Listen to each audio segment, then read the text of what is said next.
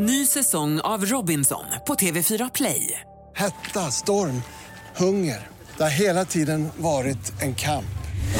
Nu är det blod och tårar. Fan händer just nu. Det. är Detta är inte okej. Robinson 2024, nu fucking kör vi! Streama söndag på TV4 Play. Programmet presenteras i samarbete med ComeOn. Nu med helt ny sportsbook.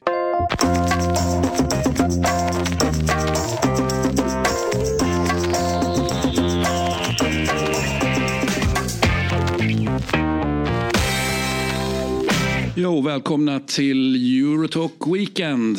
Eh, sitter här med eh, en av svensk toppfotbolls eh, mer notoriska trashtalkers, Sean.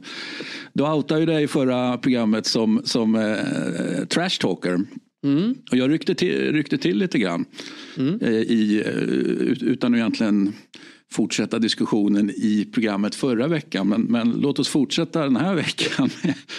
Hur mycket trash talk du, du ägnar dig åt. Um, um, ja, berätta mer. Ja, nej, men jag, alltså jag har ju ägnat en del, eh, särskilt i sammanhang på Dobb där, där jag har, alltså jag, någonstans känner jag så här, ska jag verkligen prata mer om det för då kanske jag tar bort eh, du vet, pratar man för mycket om någonting då kanske det kan upplevas som att här, men vet du vad, han pratar bara. Men det är nog en stor del av mitt fotbollsspelande för att jag har, det var säg det sista året i Degerfors, då började jag ta ner på det och säga nej men nu ska jag bli eh, lite mer mogen, jag ska bli vuxen.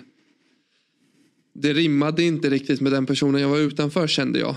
Men mm. eh, någonstans, eh, säg veck, månad 8-9 där så kände jag att vet du vad, tar jag bort den här delen av mitt fotbollsspelande då blir jag dålig på fotboll. Alltså du vet, mm. säger vad man vill, ja visst jag har spelat i Degerfors och det är inte det, det, bästa. Det får ju folk tycka vad de vill om. Men liksom, jag har ändå kommit till en nivå som jag kan vara stolt över.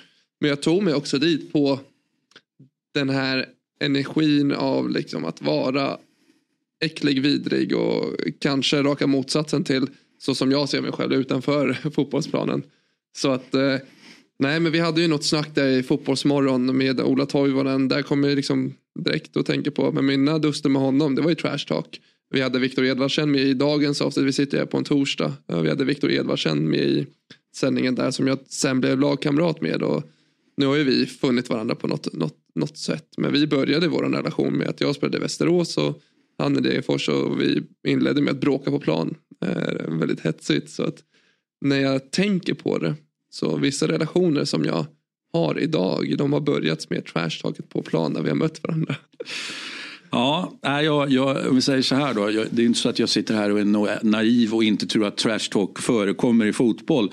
Eh, däremot så, eh, ja men fan, jag gillar det inte liksom. Jag måste vara ärlig och säga det. Liksom. Jag, tror, jag tror på, eh, för mig, liksom, ja, men tror på ett, ja, men, sänk din motståndare mm, men inte med snack liksom. Mm.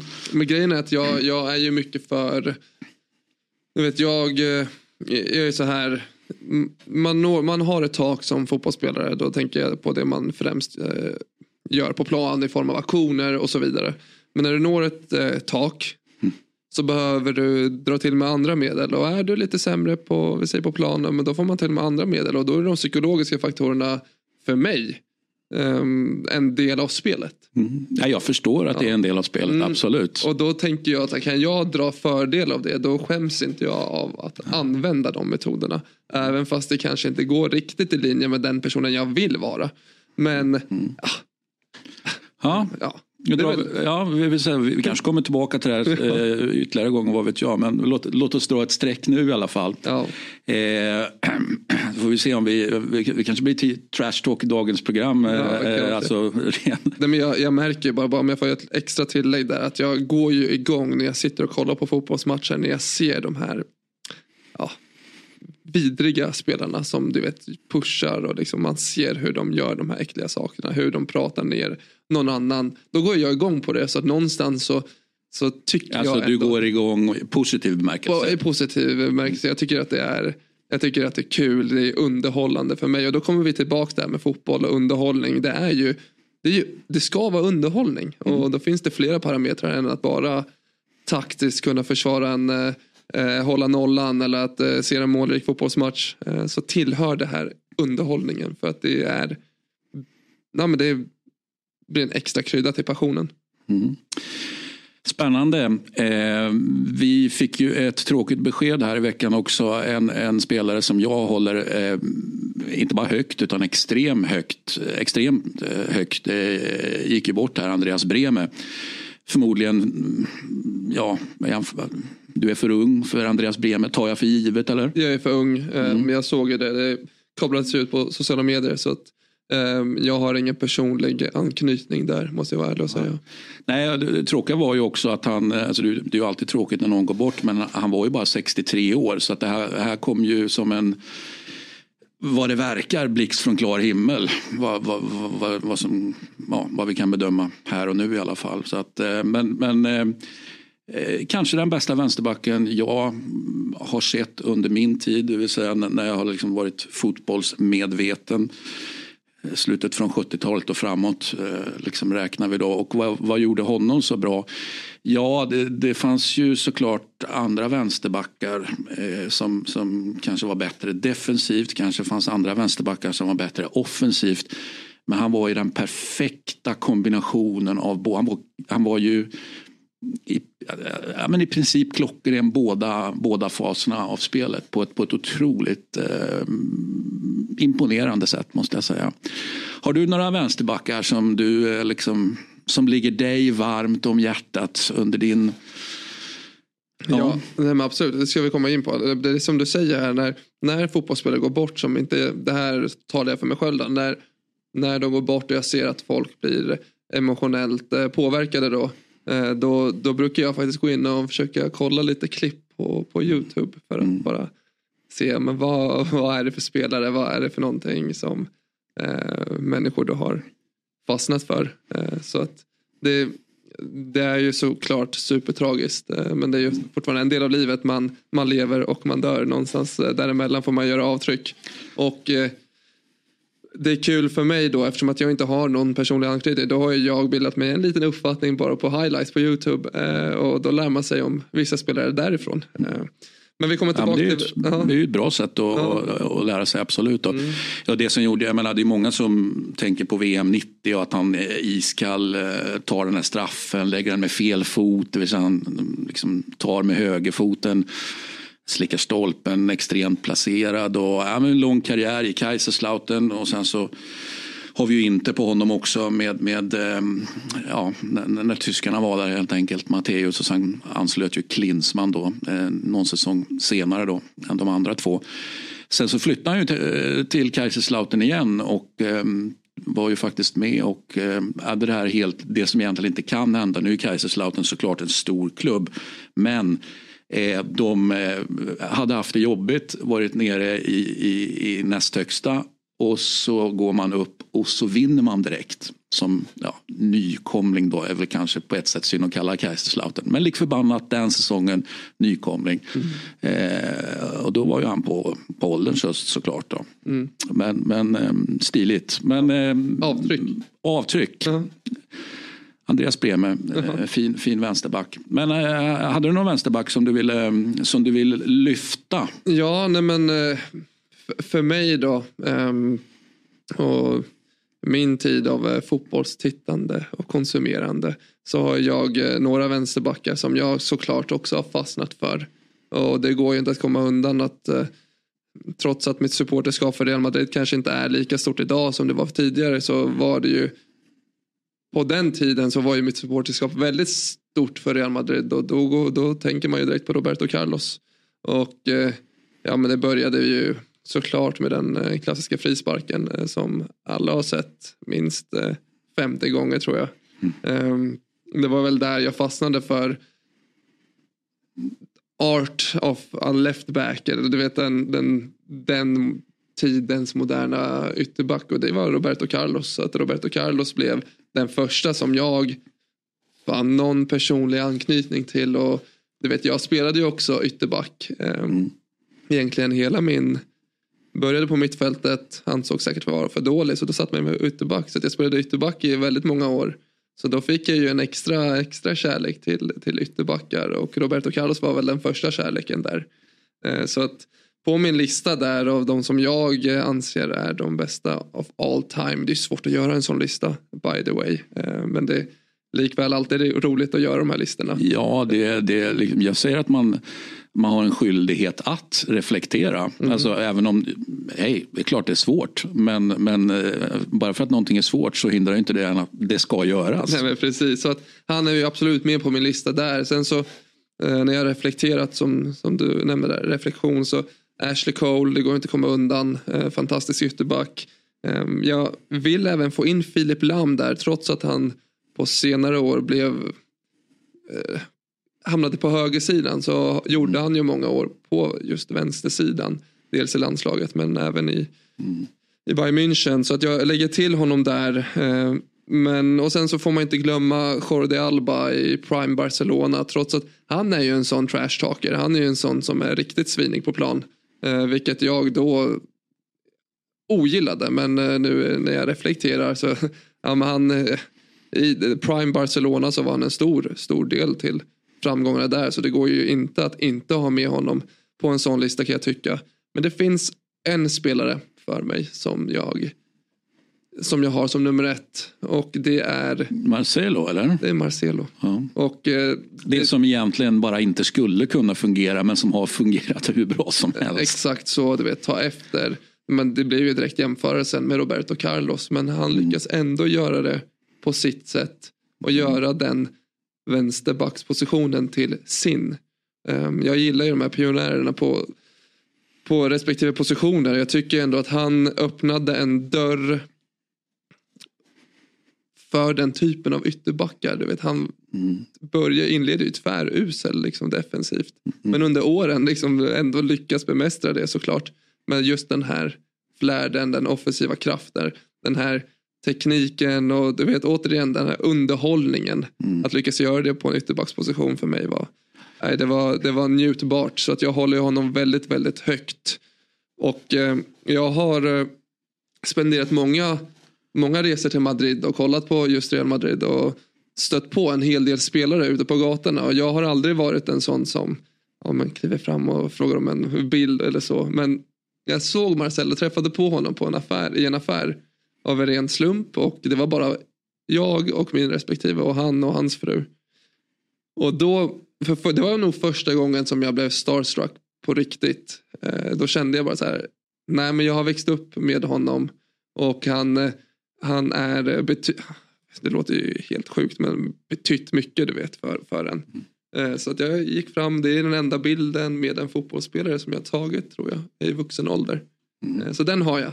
Mm. Så att han är en personlig favorit. Mm. Spännande. Det är ju mångt och mycket en, en brasiliansk paradgren och framförallt en vänsterbacks paradgren just det här med offensiva backar. Där, liksom, där har man ju föregått med, med väldigt gott exempel får man säga. Brassarna ända från jag tänker om man, om man tittar på fotbollshistoria här och går bak. Ja, men det börjar ju någonstans Nilton Santos. Så är det tillbaka liksom med VM i Sverige och så vidare. Och sen, och, och sen har det bara fortsatt på vänsterkanten. Så det, det, är ju just någonting med, med vänsterkanter och, och eh, brassar liksom. Mm. Som, som är, alltså det är ju en viktig del av fotbollshistorien och en väldigt liksom, vacker del av fotbollshistorien. Och fascinerande och inspirerande kan även jag tycka som gillar ju defensiv fotboll egentligen. Då. Mm.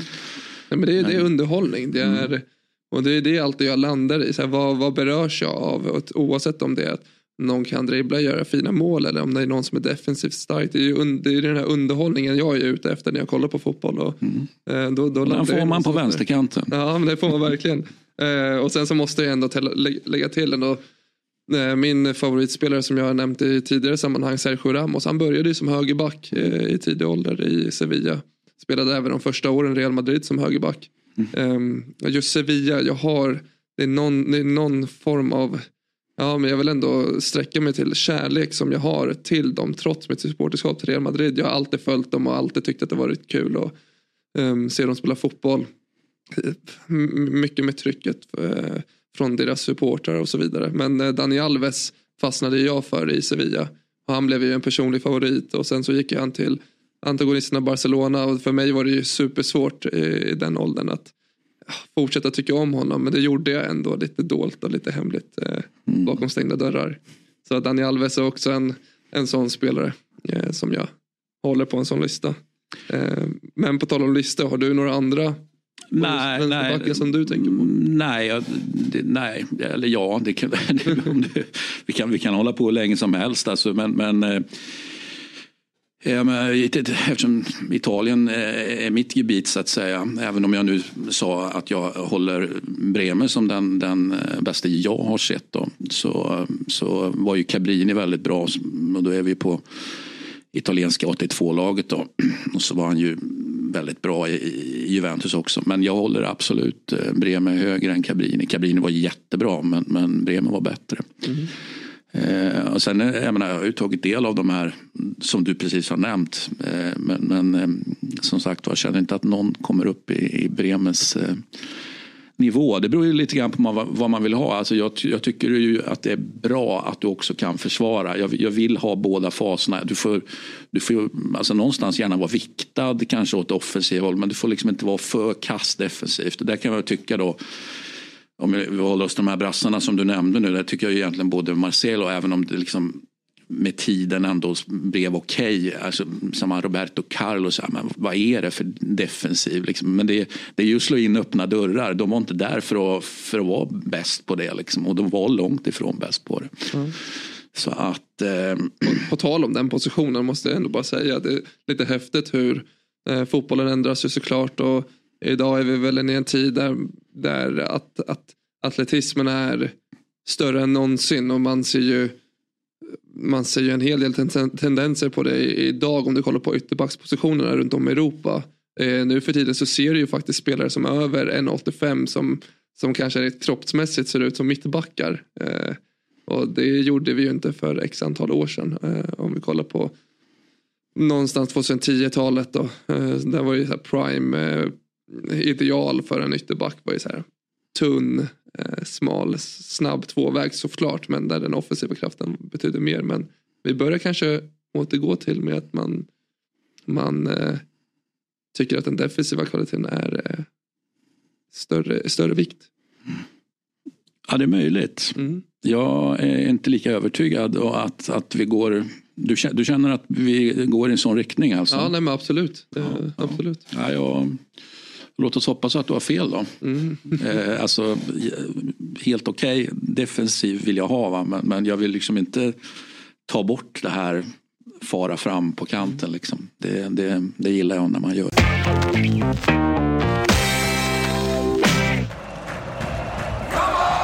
Den är här nu. Commons nya sportsbook med en av marknadens tyngsta betbuilders. Nya spelare får 500 kronor i bonus. Nu kör vi!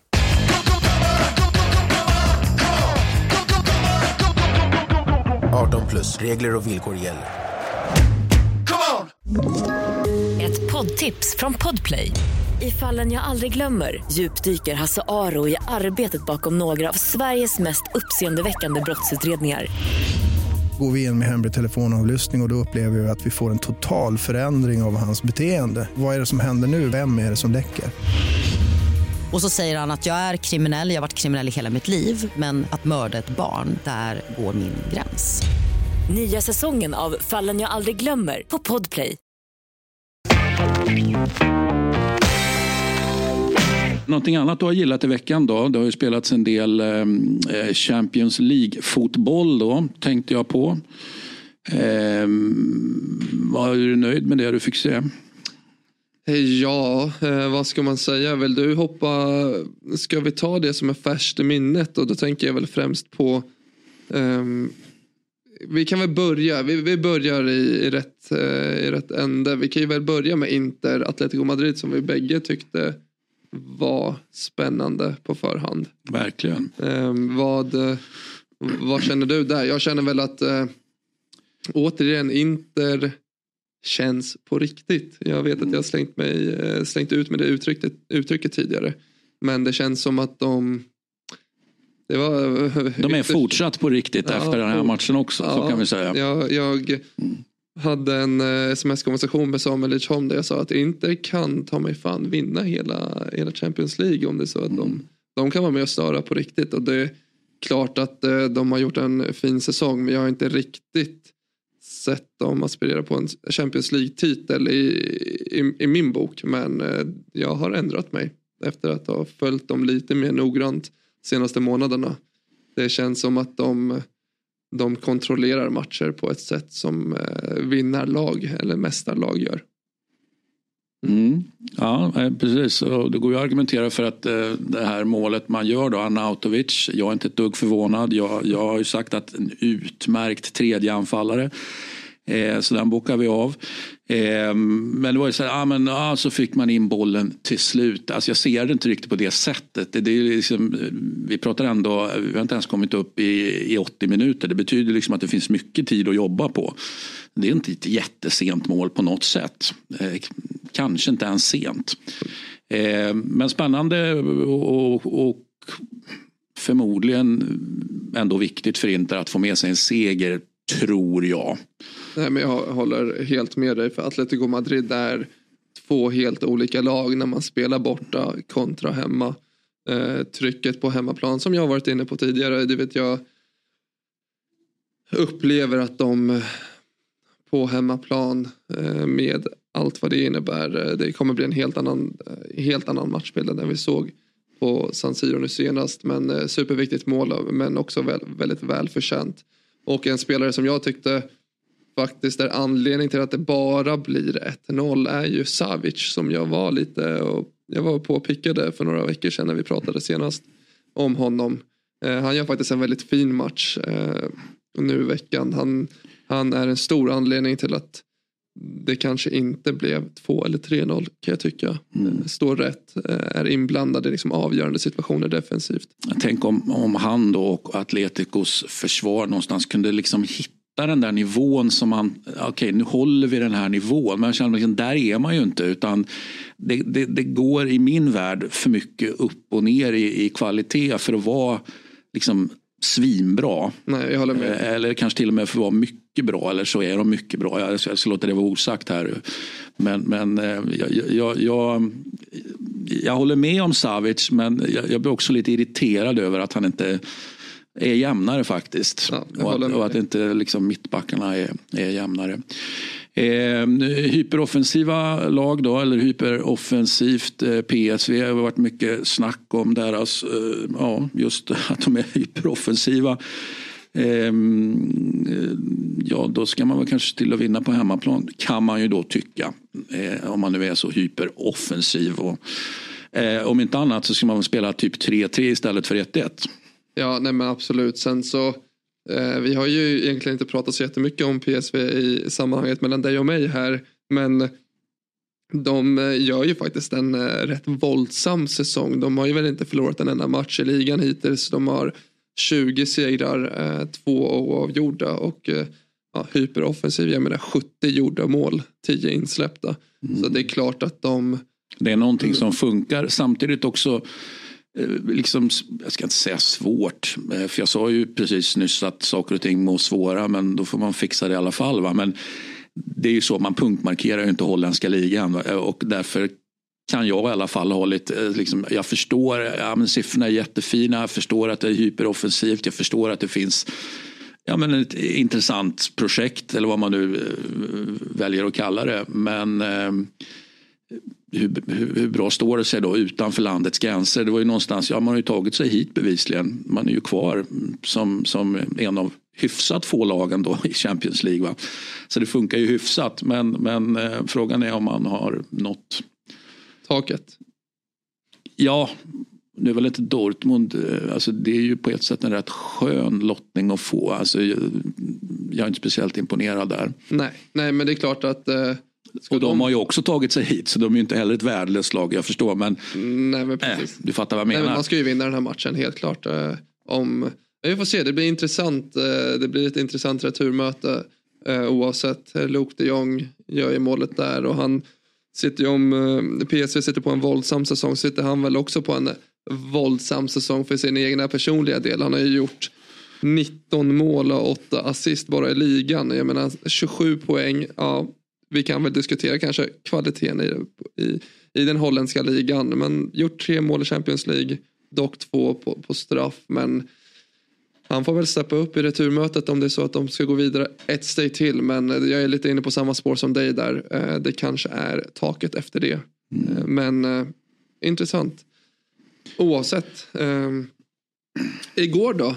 Ja. Porto, Ja, du, exakt. Du, du var ju offensiv, eh, eller var det trash talk kanske på, på, på, på, på Twitter där med, med att, att äh, typiskt Arsenal chokar, eh, precis som att det inte är ett dubbelmöte det här. Liksom. Eh, Men du, du var ju väldigt, ehm, ja, Nej men jag var ute och, Choka jag var, jag var ute och, sving, jag va? var ute och Mm. svingade rätt rejält.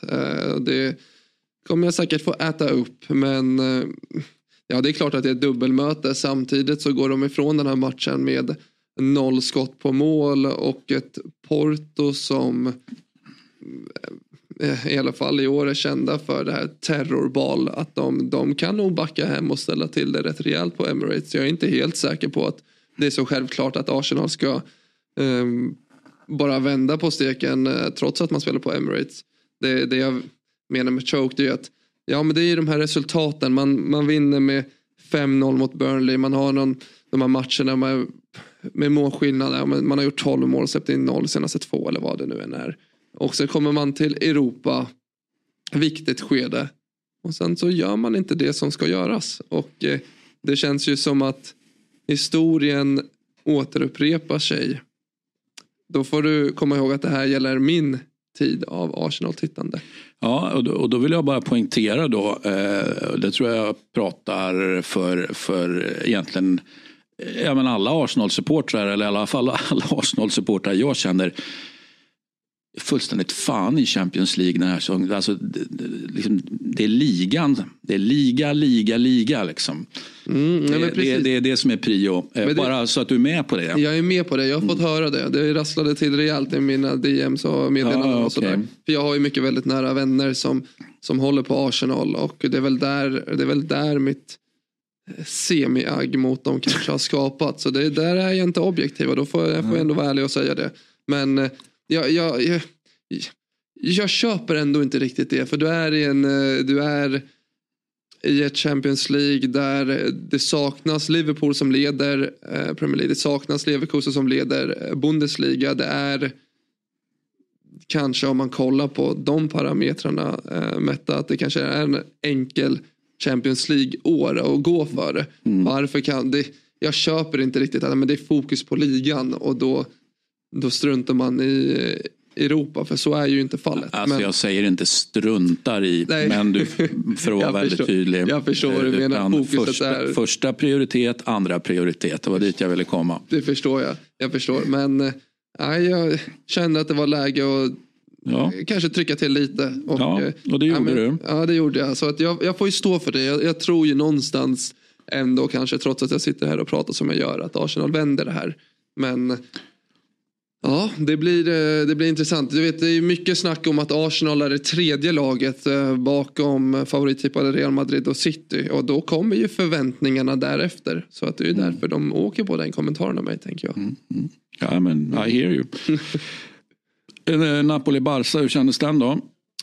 Ehm, den var väldigt eh, tråkig. Tafatt. Jag eh, såg fram emot matchen. Det är ju två stukade lag och det tycker jag syns rätt rejält.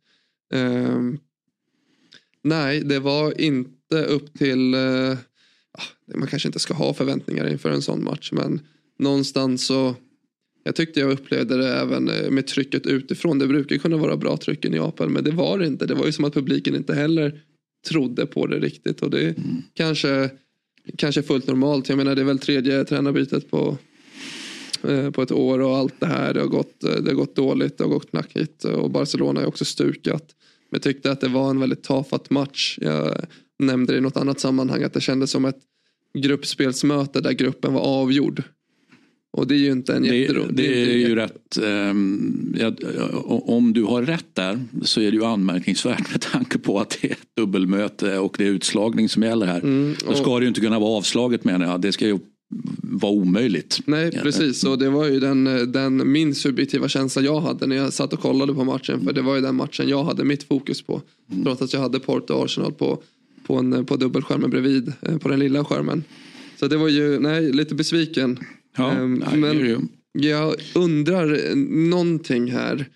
Ehm, nu ska man inte gå in på allt för mycket kring ändrade regler och så vidare. Men kan det vara så att dubbelmötena blir tråkigare och är det liksom Ja men du vet när man tar bort eh, bortamålsregeln. Har du... Nu, nu, nu slår du in öppna dörrar här. Jag är ju, jag är ju såklart en extremt stor vän av, av eh, bortamålsregeln. Mm. Det- Alltså den dåvarande, Ja. så som det var tidigare. Ah, Vilken, vilken fantastisk krydda det var liksom. Fantastisk krydda du vet, det slog mig återigen. Det har slagit mig många gånger såklart.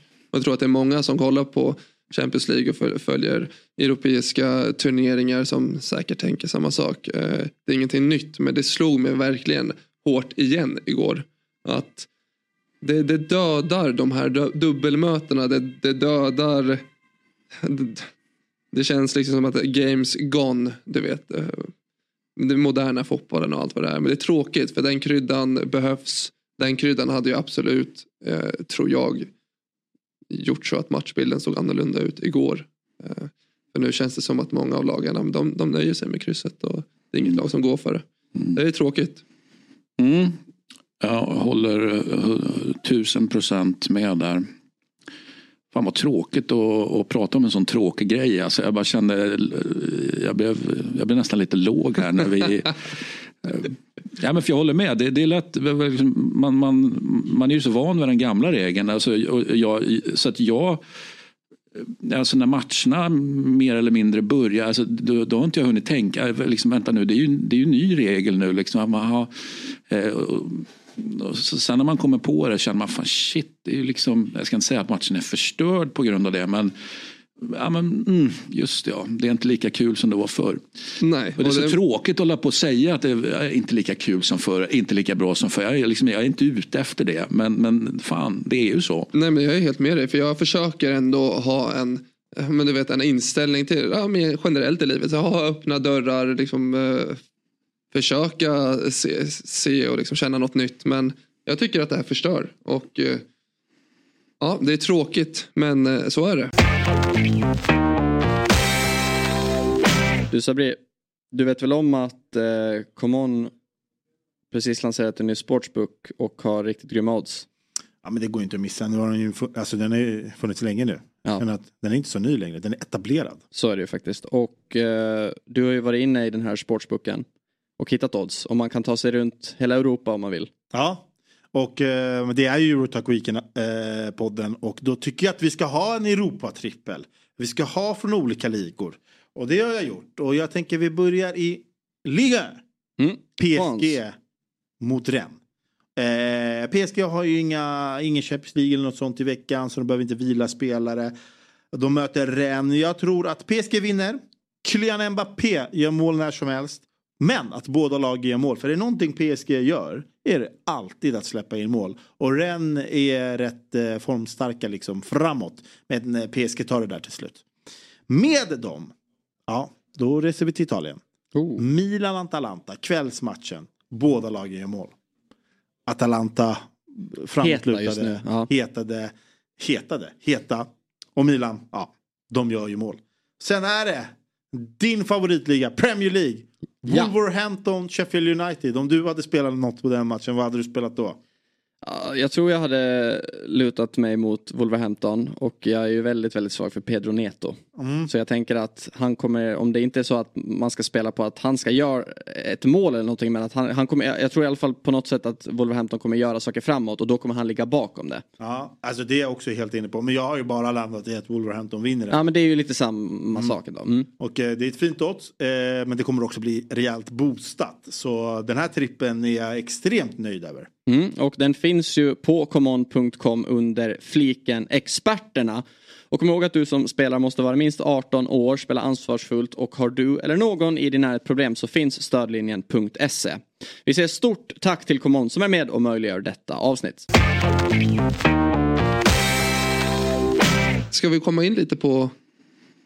Det var ju två um, historiska rekord. Det är väl att ta i, men det är ju trots allt rekorden då. Eh, Lamin Jamal i Barcelona kliver in och blir den yngsta spelaren någonsin i ett Champions League-slutspel. Det är i all ära, det är hatten av. Men det som, det som för mig var eh, höjdpunkten av de här rekorden, det är ändå det är Pepe. Som ju ser, eh, jag tycker hans fysiska, jag ska inte säga förvandling, men hans fysiska status tycker jag är spännande. För att jag tycker han ser, för varje gång man ser honom så ser han alltså, tunnare ut. Alltså inte att han ser svag ut, för det vet man, han, det är ingen svag snubbe utan det här är en seg jävel. Men jag bara kände liksom att han, fan, han blir mindre och mindre, tunnare och tunnare och liksom, ja, men, det är snart inget kvar av honom ju. jag håller helt med dig. Det är, om man någon gång ska säga så att han åldras som, som ett fint vin, då är, det väl, då är det väl där. Jag menar han är strax 41 år eh, gammal liksom fylld och han jag tycker han är man of the match igår. Han är ståtlig, han är ledare. Han, han fortsätter som att han vore i sin prime ålder. Så att, nej, men det, Trots att kroppen förtvinar. Jag så här, varje gång man ser honom så ser huvudet, huvudet förtvinar ju inte. Så för varje gång ser man så huvudet blir bara större och större också. Så det ser ut som en jävla badboll till slut. Ja, nej, fascinerande. Det är fascinerande. Det hade varit ja, intressant att se hans... För det var ju inte så en gång i tiden. Utan då var han ju, liksom, jag säger inte att han var stabbig och, han var mer fet. Han, han, var, han var betydligt mer rejäl än vad han är nu. Det, helt mer. Det, han kanske behöv... går på här vegansk diet nu så han har ingen, eh, fast då hade det inte gått så här bra då, är min fasta övertygelse. Men, eh, Nej men det är absolut, man, man borde ju föra studier på honom eller på något sätt se vad han gör med sin kost eller sin träning utanför fotbollen. För att jag menar vadå 41 år gammal och är totalt outstanding i en mm. Champions League slutspelsmatch. Det är ju fascinerande, det går inte att säga något annat.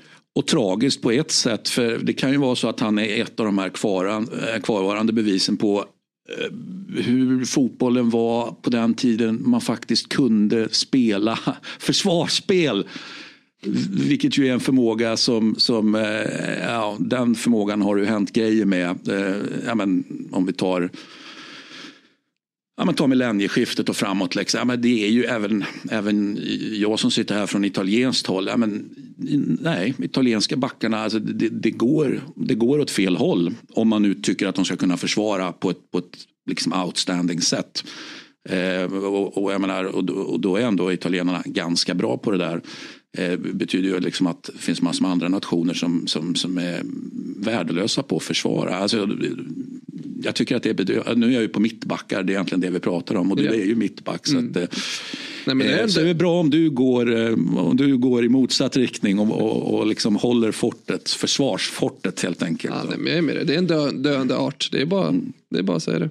Det är en döende art. Ja, eh, precis, eller så går det i vågor och mm. så har vi om fem år, tio år så är det kanske comeback för det. Alltså jag hoppas ju det, för, för att inte kunna spela försvarsspel när man är back. Ja men det är ju pinsamt såklart. Ja, nej men så här, jag, jag är ju för försvarsspel. Jag tycker att det är en konst i sig som eh, alldeles för få eh, uppskattar. Så att jag är helt med dig på, i, eh, på det tåget.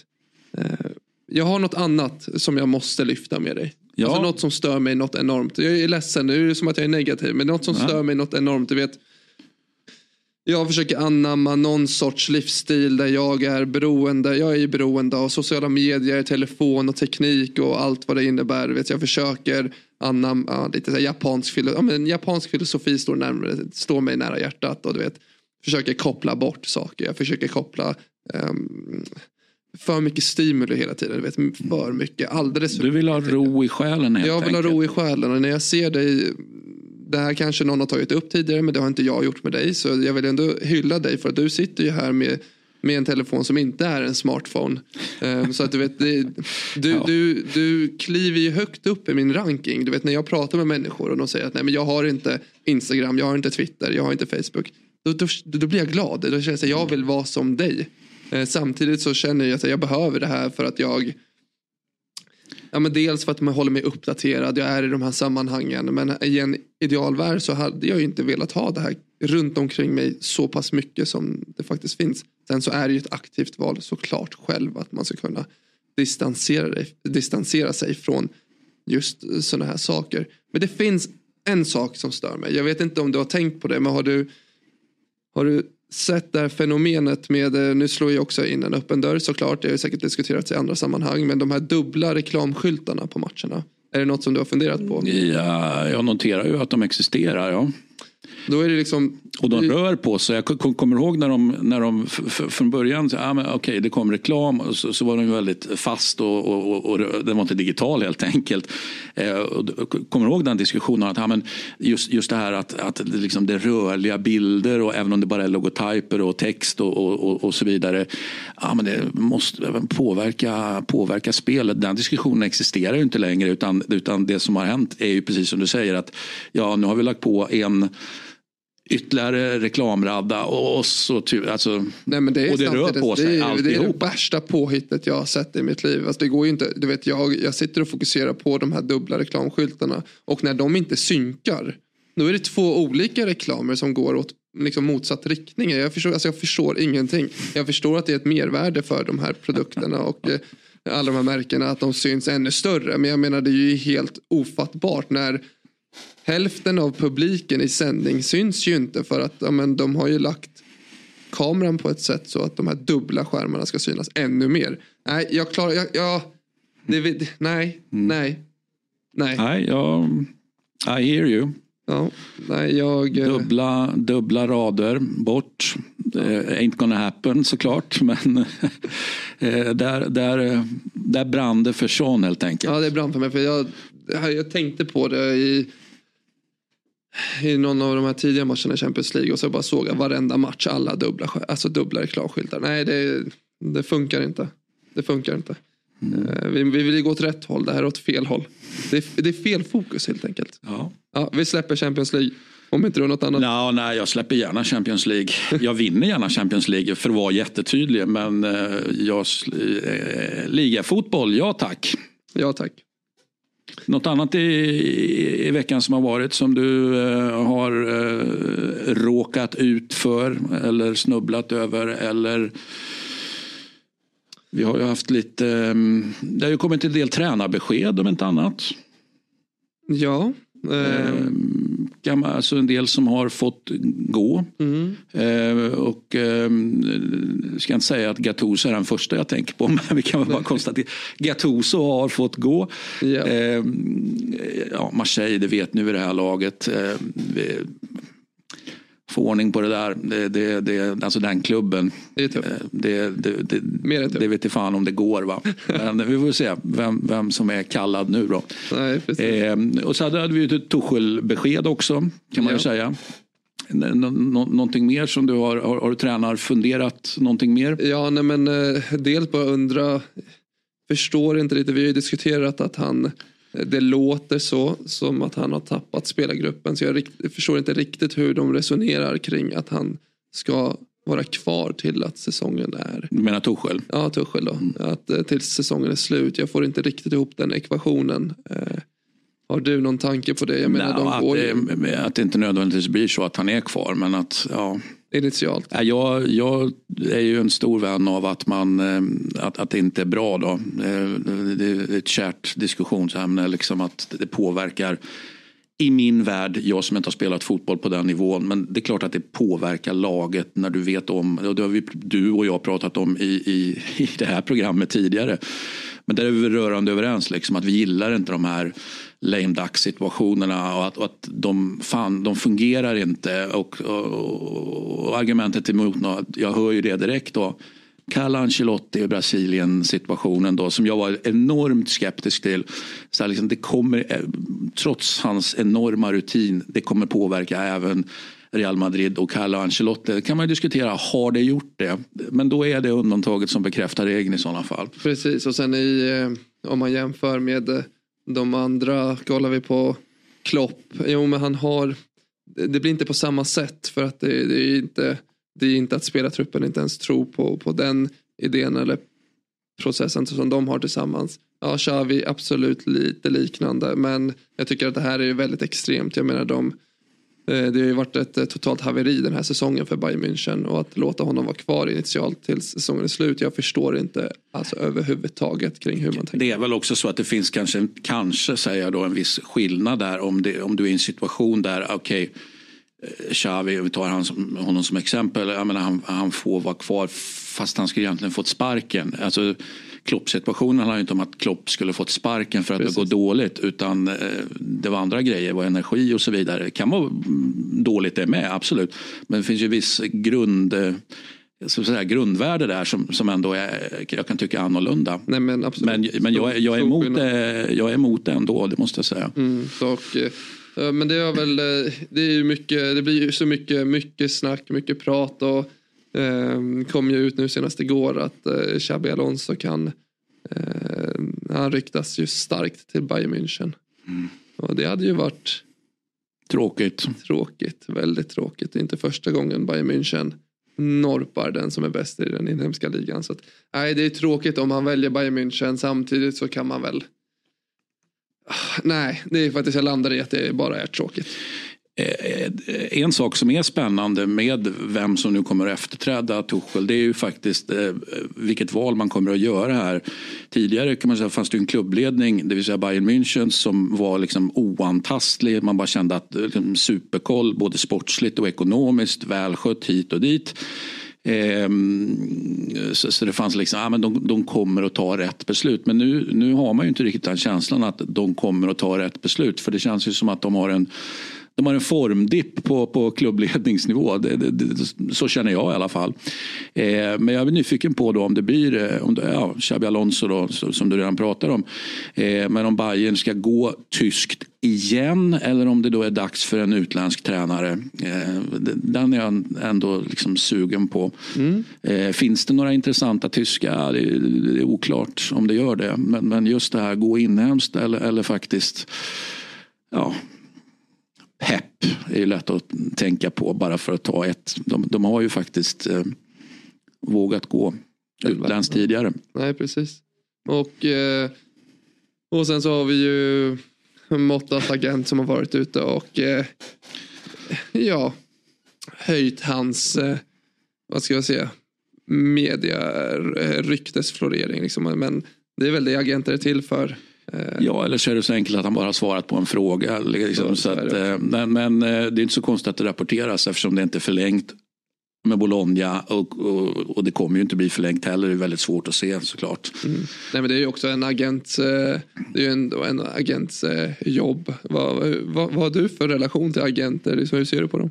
Mm, nej, jag tror ju på jag tror ju på sportchefer och mm. Eh, de sportchefer jag känner eh, som är många är av gamla skolan, det får jag väl också erkänna. Och är de liksom något yngre så är de lik förbannat att de vill jobba på det gamla sättet. Det vill säga att ja, men, hej, sport, jag är satt här för att sköta sporten. Då är det jag som ska sköta sporten. Då är det inte någon president eller massor med liksom agenter om vi nu går tillbaka till det det finns ju ett klagomål väldigt från de som då tror på en traditionell sportchefsroll. Alltså klagomål från de sportcheferna att fotbollen går i en riktning där, där agentinflytandet bara, ja, men det bara accelererar. Det, det, att det, det, är svårt att hålla emot som sportchef även om du liksom vill. Även om du vill va? Så, Nej, så, så går utvecklingen åt ett annat håll.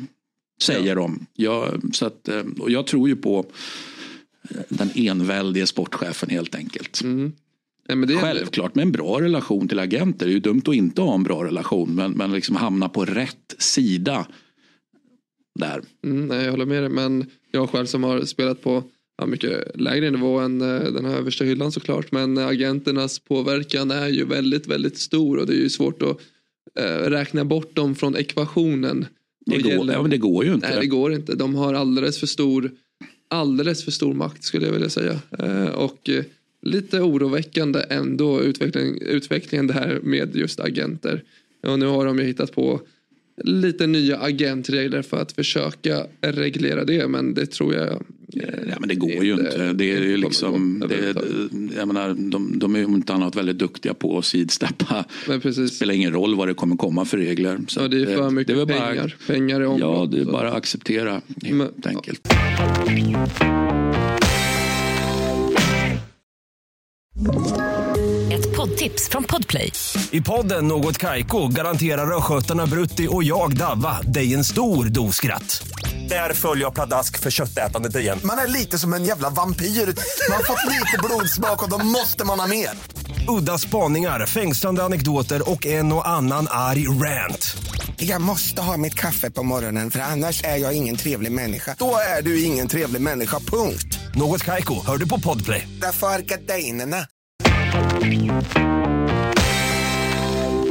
Om vi, om vi fastnar lite på, på, på just tränare. Eh, nu ska vi, vi prata lite rykten och så men tänkte på en sak igår. Att eh, nu kanske jag har helt fel uttal men eh, Sergio Conceição. Mm. Är du sugen på honom? Mm. Med, eh, det är en fin tränare. Fin tränare. Um, han spelade ju med sin, uh, hans son spelar ju i laget också. Mm. Mm. Och uh, då är min, min fråga till dig är kan du fler konstellationer där tränare har haft en son i laget som han har tränat för? Jag har om inte annat eh, eh, konstellationer där tränaren har valt att inte ha sonen i laget. Den har jag berättat i många olika sammanhang eh, och jag kan inte begära att du ska ha hört den. Eh, men eh, jag diskuterade det här en gång med eh, De Rossis pappa. och De Rossis pappa är ju, är ju ungdomstränare i Alltså just nu primavera-tränare, juniortränare Eh, Eh, men eh, när sonen i takt med att han, alltså dels pappan eh, hade ju en utveckling, det vill säga att plocka på sig liksom lag efter lag i Roma då.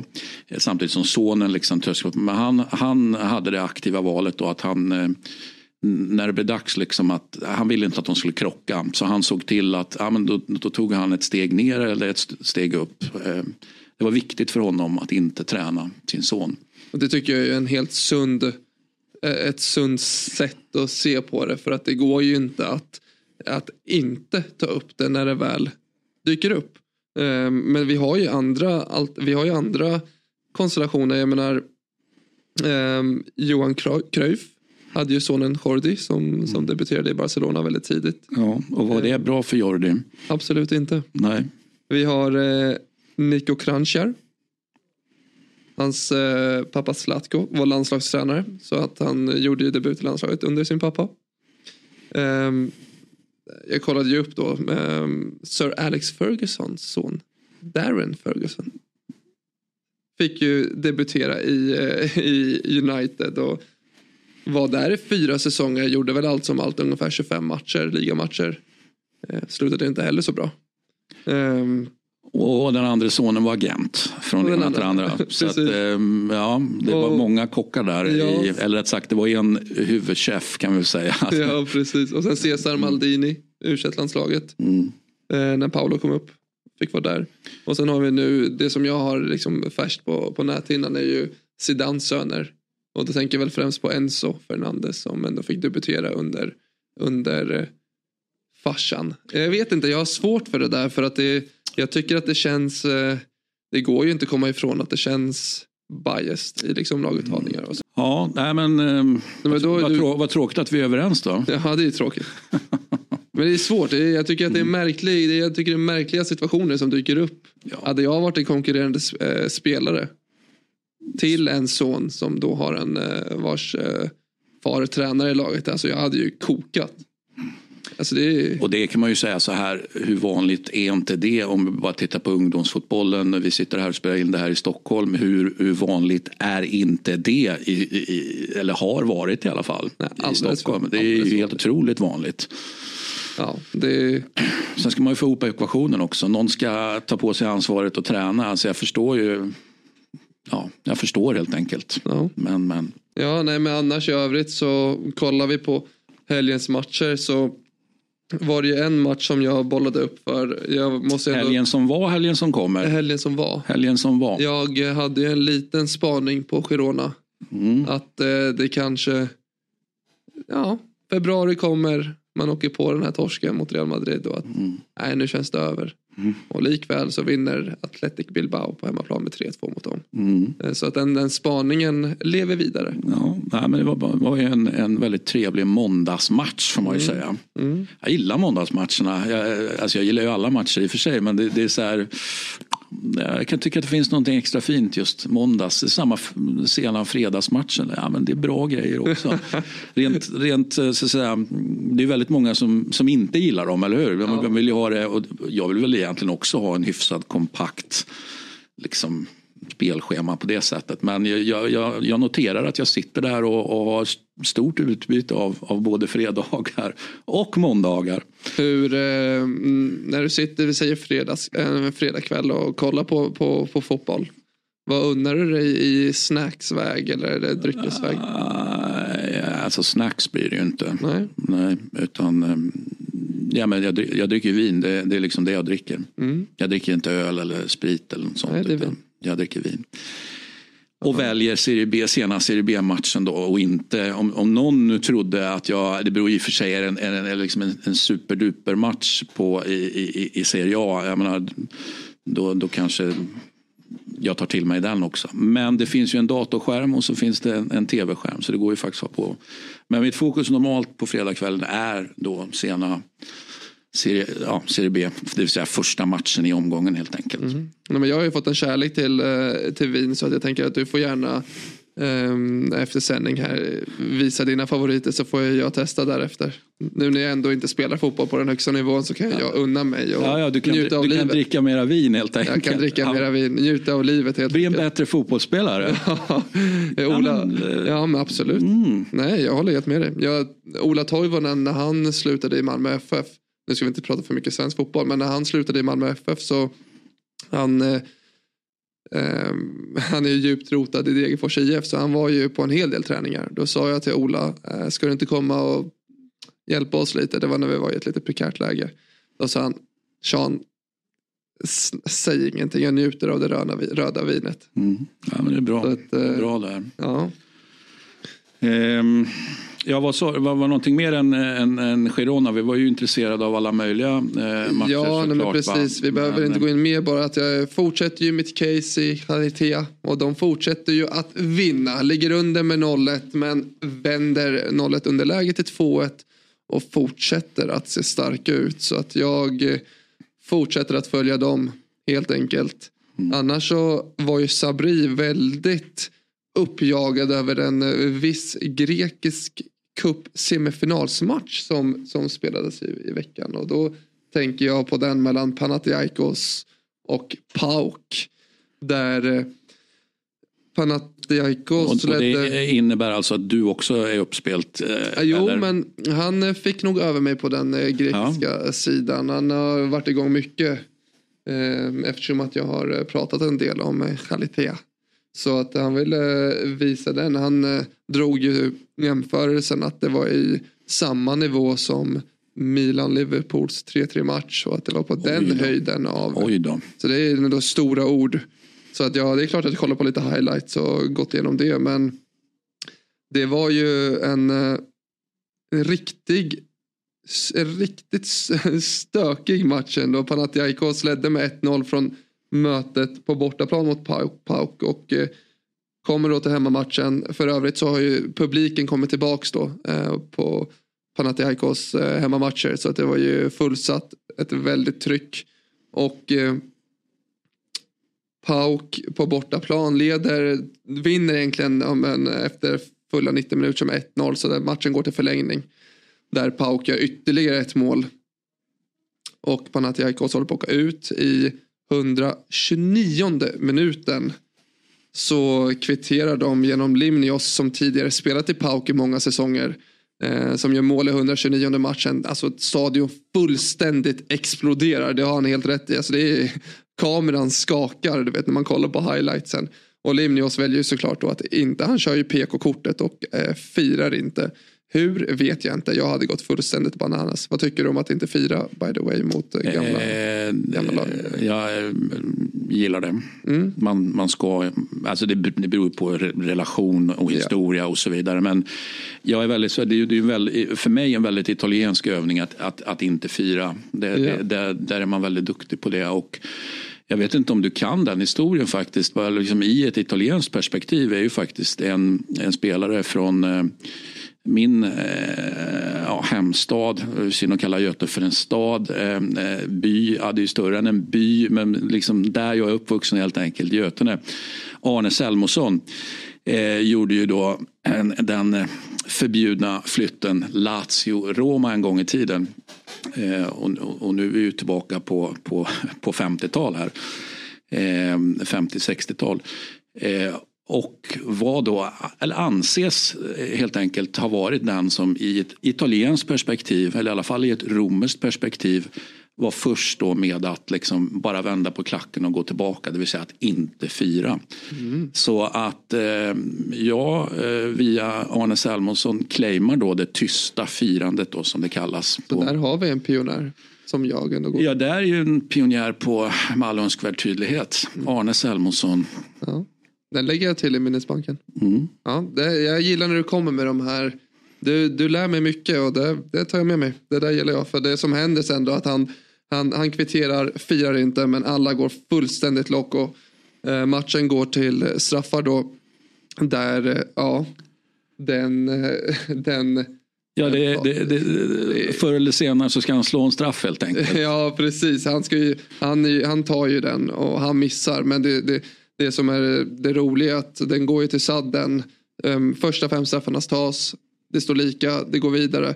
I de här i sadden-straffarna så missar faktiskt Pauk har tre matchbollar att avgöra det här på.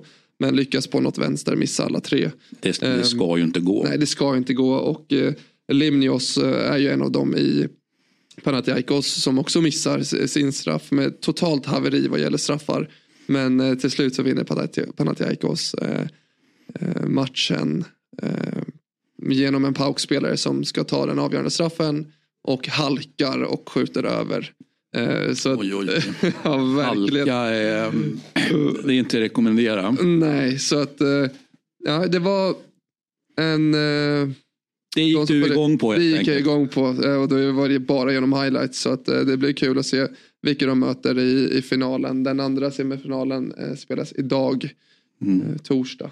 Så att vi får se vilka de möter i finalen. Men jag tror att det är Aris som, eh, som eh, leder första, första mötet där. Så det hade ju varit inte eh, kul om det hade blivit Pauk mot Aris. Det är ett derby. Eh, Så det hade ju varit roligt. Men ja, det blir roligt ändå. Vi har ju en svensk i Panathinaikos som hoppade in och faktiskt var bidragande till ena kvitteringsmålet. Det, det var Jeremejeff. Mm. Som eh, enligt Sabri eh, gör det bra. Eh, Han som i de- den svenska versionen, eh, eller egentligen i alla klubbar som Jeremejeff eh, liksom inte spelar för övriga svenska supportrar, liksom, han, han är Ja, han är ingen riktig målskytt, han är inte på riktigt, han är inte tillräckligt bra. Han är liksom, ja, men visst, statsen finns där på att mål har gjorts men han är inte bra på riktigt. Känner du igen den diskussionen? Det är otroligt vilken, vilken, vilken diss han har fått egentligen som, som målskytt. Och nu låter det här som en efterhandskonstruktion men du ska veta en sak. 15 augusti 2021. Men vad, vad har jag för koppling till Jeremejeff? Jo, jag mötte honom 15 augusti 2021 med Degerfors. Ehm, jag ska egentligen vara bänkad den här matchen men eh, får starta och jag blir inkastad och startar den matchen. Vi har lite spelare borta så att ingen förväntar sig att vi ska på något sätt lyckas kunna vinna mot de här. Och vem, vem ställs jag emot? Jo, Jeremejeff. Och då tänkte jag, det är som jag förklarade för dig tidigare. Jag kommer ju ha problem här. Han är stor, han är stark. Men vad gick jag in på? Jo, trash talket. Och då var jag inne på det du säger. att Du är inte så jävla bra. Och han kokade ju till något fruktansvärt. Och vi gör säsongens bästa match. Vi spelar ut dem. Pam, pam, pam. Ja, vi spelar possession med dem. Bollinnehavet är 70-30. Vi vinner med 3-0. I slutet av matchen så lackar han till. Och när domaren inte ser och ger mig en Alltså han ger mig en armbåge, alltså rakt i ansiktet så jag spräcker läppen. Ehm, så att jag har ju vunnit min match i matchen där mot honom och gå igång på det. Men all respekt till honom, hans karriär är fantastisk och det är som du säger, många, han, han har inte riktigt fått den eh, respekten som han förtjänar helt enkelt. Och eh, det var jag tydlig med att säga kanske. Jag var ju på den andra sidan då, tryckte lite på honom och han gick igång. Men han eh, gör det bra i Grekland. Ja, Så att eh, kul, kul för svensk fotboll att vi har spelare som presterar. Ja, och vad har vi för kul i eh, helgen som kommer då? Eh, ja, vi kommer fram till att eh, ja, det var inte så mycket kul i England. Eh, och, eh, liksom, och, och, och du med ditt Spanien tyckte inte det var så mycket kul där heller. Jag sitter här och tycker att det är hur mycket kul som helst i Italien. Det vet ni vid det här laget. Eh, men eh, liksom i England, vad, vad har vi egentligen där? Ja, vi har en cupfinal då. Alltså cup, cupfinal är alltid cupfinal. Eller? Ja, absolut. Sen så är det Carabao Cup, ligacupen som jag, nej jag, det går inte riktigt igång på det men det är som du säger, det är fortfarande en cupfinal så att det är klart att man kommer sitta där bänkad och kolla på matchen. Eh, mellan Chelsea och Liverpool så att det blir, det blir kul, det är en eh, titel som står på spel så att eh, eh, det kommer att eh, finnas mycket känslor som står på spel så att det vore kul att kolla. Mm. Eh, och Spanien, där, där, där hittar du inget heller riktigt som, som sticker ut eller? Nej, egentligen inte mer än men, men det är en personlig det blir personligt tittande eh, i och med att det är Real Madrid mot Sevilla. Men det är inte bara på grund av att det är Real Madrid utan det är Sergio Ramos som kommer tillbaks eh, till Santiago Bernabéu som ska få sin Ja men det är en, egentligen en officiell avtackning i och med att han inte riktigt har fått den tidigare. Så att eh, de ska ju dra till med något litet minispektakel för att tacka av honom. Eh, och det är för mig personligen eh, så är det helgens höjdpunkt. Då jag, eh, ja vid det här laget så vet jag om det. Han, eh, han finns nära hjärtat för mig så att det blir kul att kolla. Och eh, generellt matcherna mellan Real Madrid och Sevilla brukar vara hetsiga, fartfyllda och bra. Så att eh, det ser jag fram emot. Mm. Eh, själv då så, eh, jag sa ju tidigare, ah, men det beror på vad det är för serie, eh, liksom, välja B, serie B eller serie A-matchen. Eh, nu är det ju så att Bologna är farten på fredag kväll här va? så att det betyder ju att det, det, ja, det blir ju nog mycket titt på den får jag väl erkänna. Eh, hemskt att behöva säga att serie B stryker på foten men, men Eh, det ska bli väldigt spännande att se om, om eh, nu är det ju fyra raka segrar för, för Bologna. Om det kan bli en femte raka. Liksom det, alltså, håller man bara på och segrar hela tiden, ja, då kommer det ju närmre och närmre.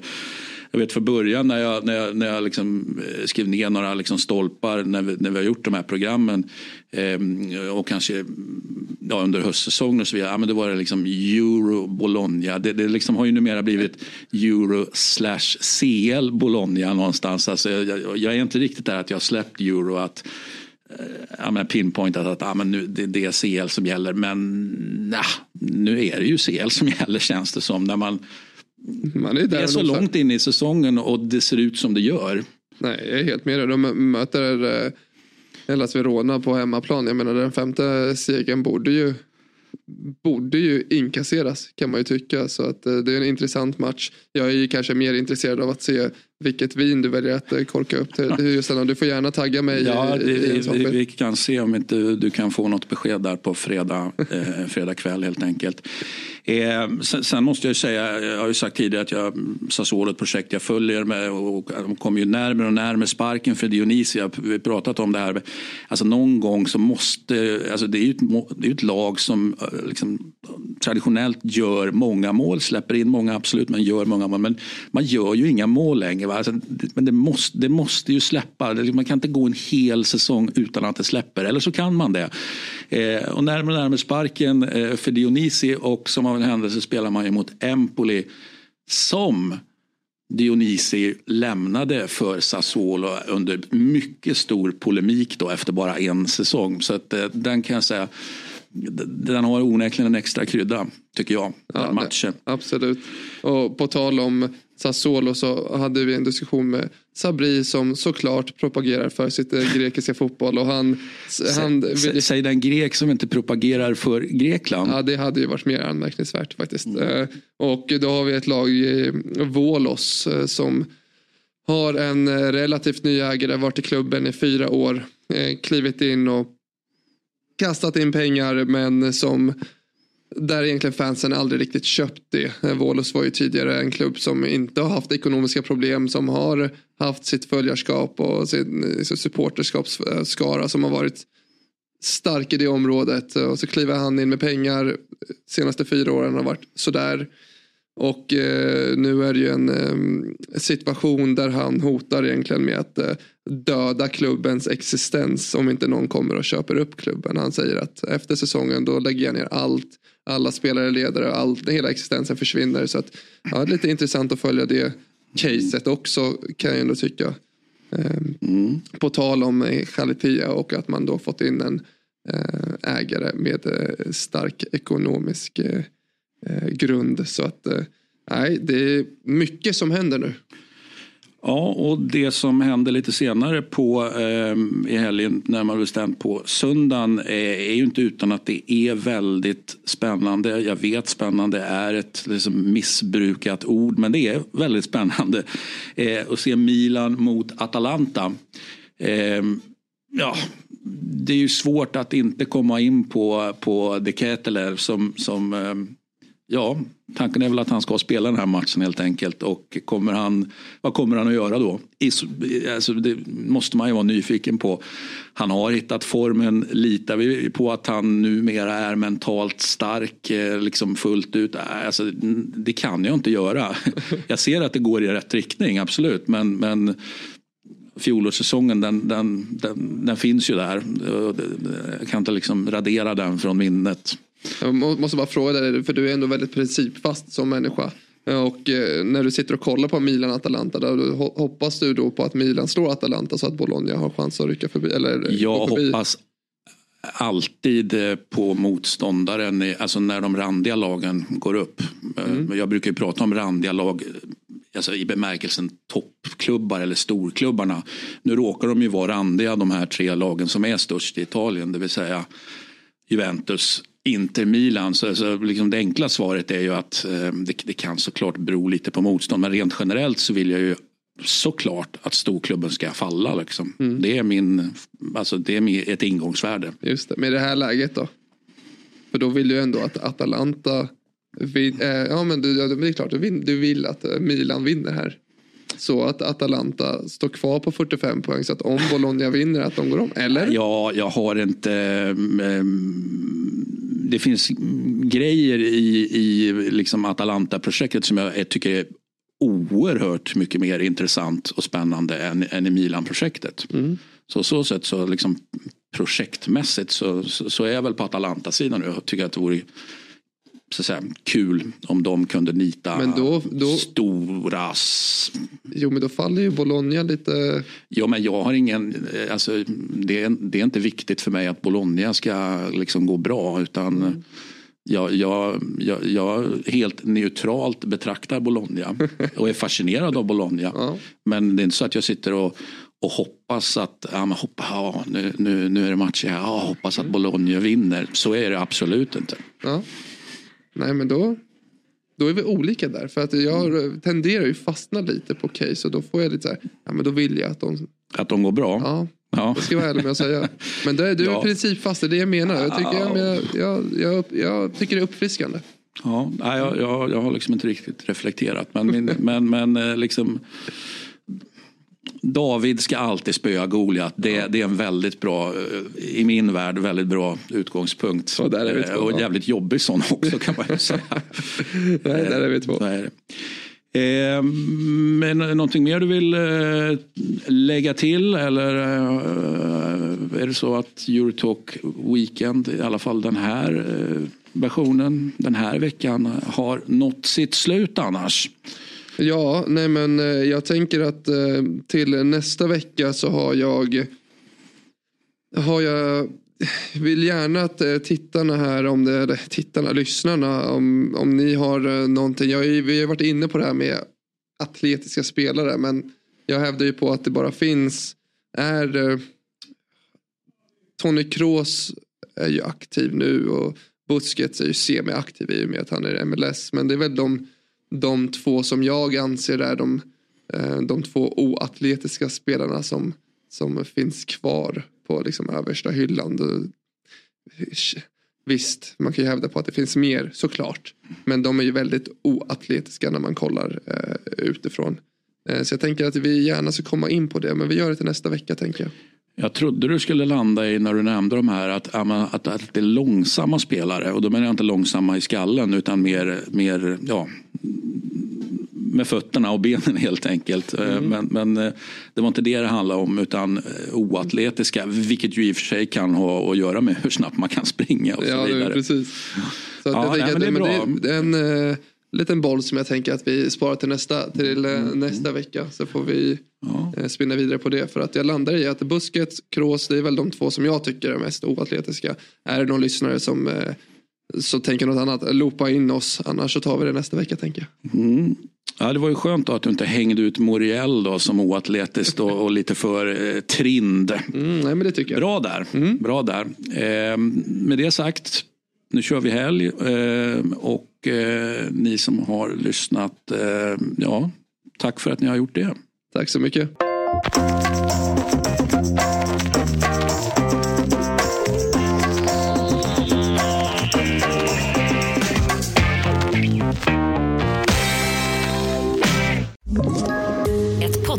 Från Podplay. I podden Något Kaiko garanterar östgötarna Brutti och jag, Davva, dig en stor dos skratt. Där följer jag pladask för köttätandet igen. Man är lite som en jävla vampyr. Man har fått lite blodsmak och då måste man ha mer. Udda spaningar, fängslande anekdoter och en och annan arg rant. Jag måste ha mitt kaffe på morgonen för annars är jag ingen trevlig människa. Då är du ingen trevlig människa, punkt. Något Kaiko, hör du på Podplay. Därför är gardinerna.